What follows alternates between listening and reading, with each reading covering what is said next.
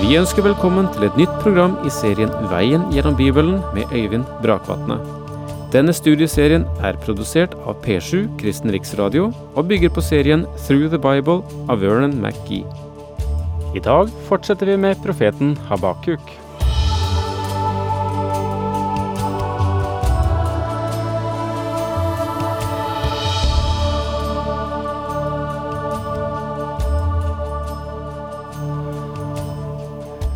Habakuk er akkurat nå i ferd med å få svar på det andre problemet, det andre store basisspørsmålet han stiller.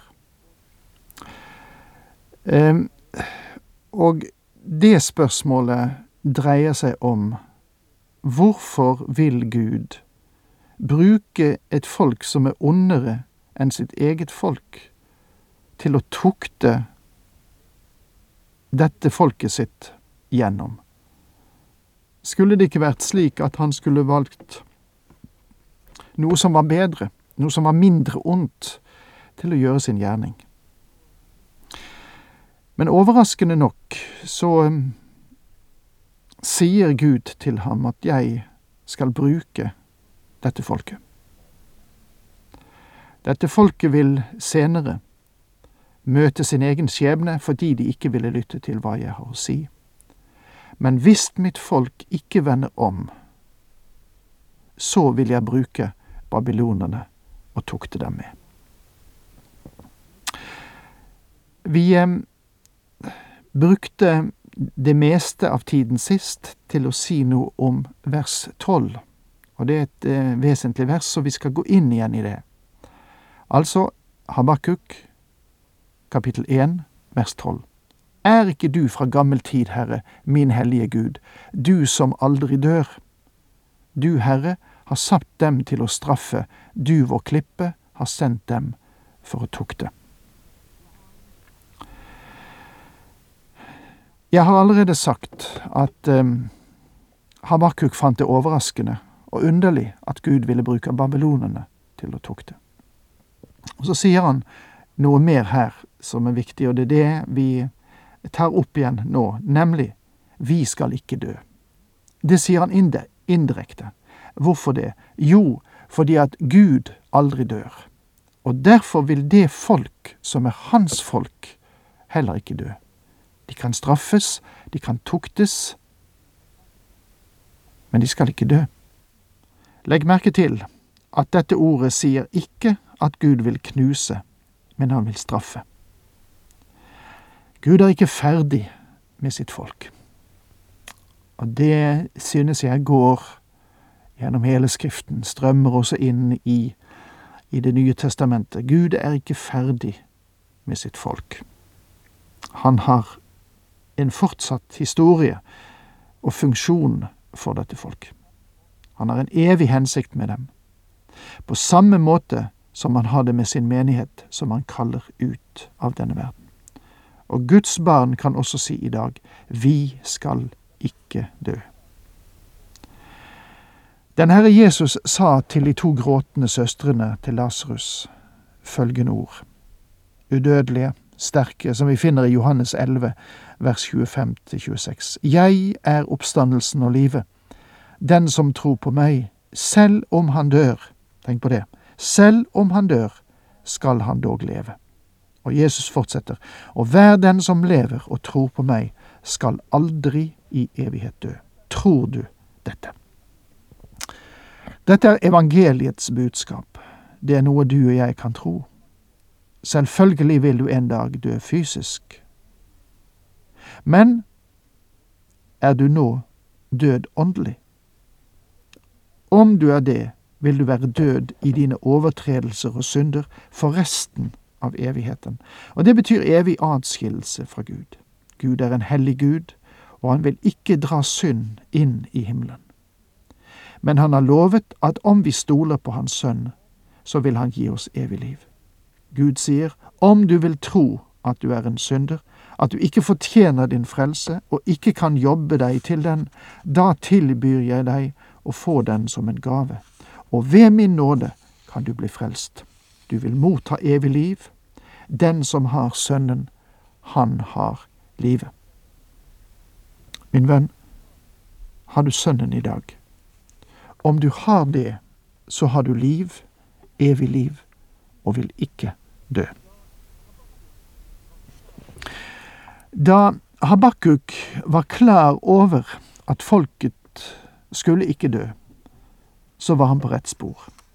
Men han kunne ikke forstå, like lite som mange av oss kan forstå, noe av Guds handling i verden. Gud hadde fortalt Habakuk tidligere at han trengte å få et perspektiv på Guds gjerning. Du og jeg har en veldig fordel i våre dager fordi vi har et perspektiv på historien.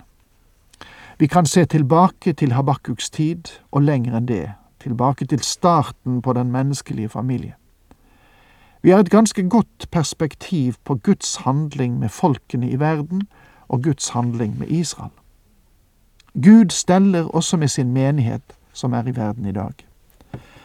Gud går frem på forunderlig vis for å gjøre sine undergjerninger. Han har sagt til oss at hans veier er ikke våre veier, at hans tanker ikke er våre tanker. For, som han sier i Jesaja 55, vers 8-9, for mine tanker er ikke deres tanker, og deres veier er ikke mine veier, sier Herren, for som himmelen er høyere enn jorden, er mine veier høyere enn deres veier, og mine tanker høyere enn deres tanker. Min venn, bli ikke urolig om du ikke makter å tenke slik Gud tenker. Du er ikke Gud. Uheldigvis er det slik at mange mennesker forsøker å ta hans plass. De prøver å jobbe for sin frelse, tror at deres karakter og deres gode gjerninger vil være tilstrekkelig merittliste for å finne frelse. De venter at Gud skal klappe dem på hodet en dag og si du var sannelig en hyggelig, søt liten gutt eller jente da du var på jorden. Men Bibelen sier at vi alle er korrupte syndere, fremmedgjort for livet i Gud, uten evne til å forstå Gud i hele tatt. Skal du komme til Faderen, så må du komme som Han vil, eller så kommer du ikke dit. Vi må innse dette, mine venner. Vi er et folk av stolte mennesker som trenger å bli punktert for vår egen fortreffelighet, som en knappenål punkterer en ballong. I stedet for å klandre alle andre for problemene i vårt folk, eller problemene i menigheten, eller problemene i våre hjem, så bør vi falle på vårt ansikt for Gud og bekjenne vår synd. Det er ikke min bror, ikke min søster, men det er meg, Herre, som ligger her i behov av din bønn. Dette var situasjonen for judafolket på Habakkuks tid. Du, Herre, har satt dem til å straffe. Og her peker Habakkuks finger til Babylon. De er onde, og vi er de gode. Og Det er forunderlig hvor raskt vi kan endre synspunkt. Som han uttrykte det, sørafrikaneren jeg snakket med en gang, du forstår at når vi tar livet av noen av de hvite, så kalles det en massaker. Men når de hvite går berserk blant mine sorte brødre, så kalles det en seier. Ja, det er interessant hvordan vi alltid stiller oss selv sammen med de gode. Du, vår klippe, har sendt dem for å tukte. Med andre ord sier Habakuk, Herre, det er egentlig ikke oss som er de onde i hele tatt. Det er de som er de grusomme. Det var dem du burde dømme og korrigere. Han har glemt at han gikk til Herren og spurte Herren hvorfor han ikke gjorde noe med det onde blant sitt eget folk. Habakuk hadde tenkt på at folket satte loven til side og stilte seg likegyldige til Gud, brydde seg ikke om Guds bud. Abakuk hadde anklaget Gud for ikke å gjøre noe med denne situasjonen. Han glemt det? Og her møter vi nå Habakkuks argument. Ditt blikk er forent til å se på det onde, og ulykke orker du ikke å se. Hvorfor bærer du da over med de troløse og tier når gudløse sluker dem som er rettferdigere enn de selv? Ditt blikk er for rent til å se på det onde, og ulykke orker du ikke å se. Og det er en sann påstand. En hellig Gud kan ikke se på det onde og ulykke. Og Det er årsaken til at ingen kan dra til himmelen og ha synden med seg. Det er derfor vi alle må ha tilgivelse for vår synd. Vi trenger all den rensende kraft som fins i lammets blod. Vi må få en ny natur. Vi må bli født på ny. Og selv Nikodemus, en meget religiøs og rettskaffen mann, trengte å bli født på ny og ta imot en ny natur. Religion renser ikke bort synd. Det er Jesu Kristi blod, Han som døde for oss og sto opp igjen, som vil ta bort synd. Gud kan ikke se på ondskap, han vil heller aldri se på ondskap, og det er derfor det ikke er noen hemmelig inngang til himmelen, verken for deg eller meg, før vi er kommet til rette med syndespørsmålet. Du skjønner at når Gud tilgir deg, så er det fordi straffen for din synd er blitt betalt av Hans Sønn. Gud er ingen sentimental gammel herre som ikke har hjerte til å dømme små mennesker her nede på jorden. Det er ingen unnfallenhet i Gud. Gud er en hellig Gud som ikke vil se på ondskap. Din synd må du bekjenne og få tilgivelse for før du kan bli akseptert av ham. Hvorfor bærer du da over med de troløse? Habakuk sier du kan ikke stole på disse babylonerne. De er syndere og en samling falsknere. Og han hadde rett. De var det. Men Gud ville bruke dem for å nå sitt mål. Dette er i grunnen litt grann skremmende for meg.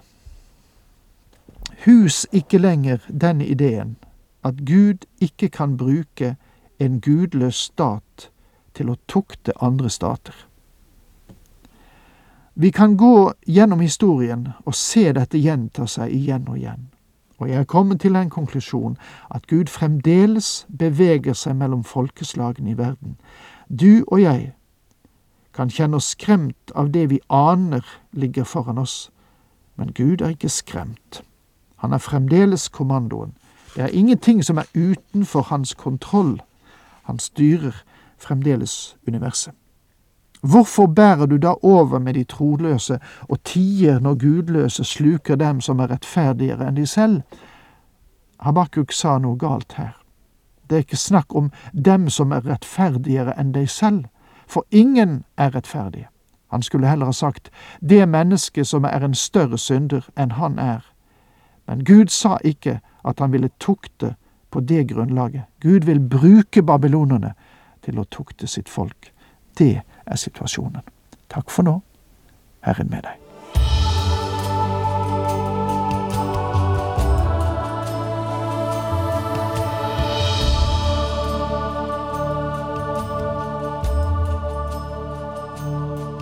Du hørte Øyvind Brakvatne i studieserien Veien gjennom Bibelen.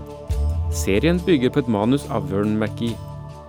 Har du spørsmål eller kommentarer til programmet, kan du sende en e-post til vgb krøllalfa p7.no. Takk for i dag, og på gjenhør.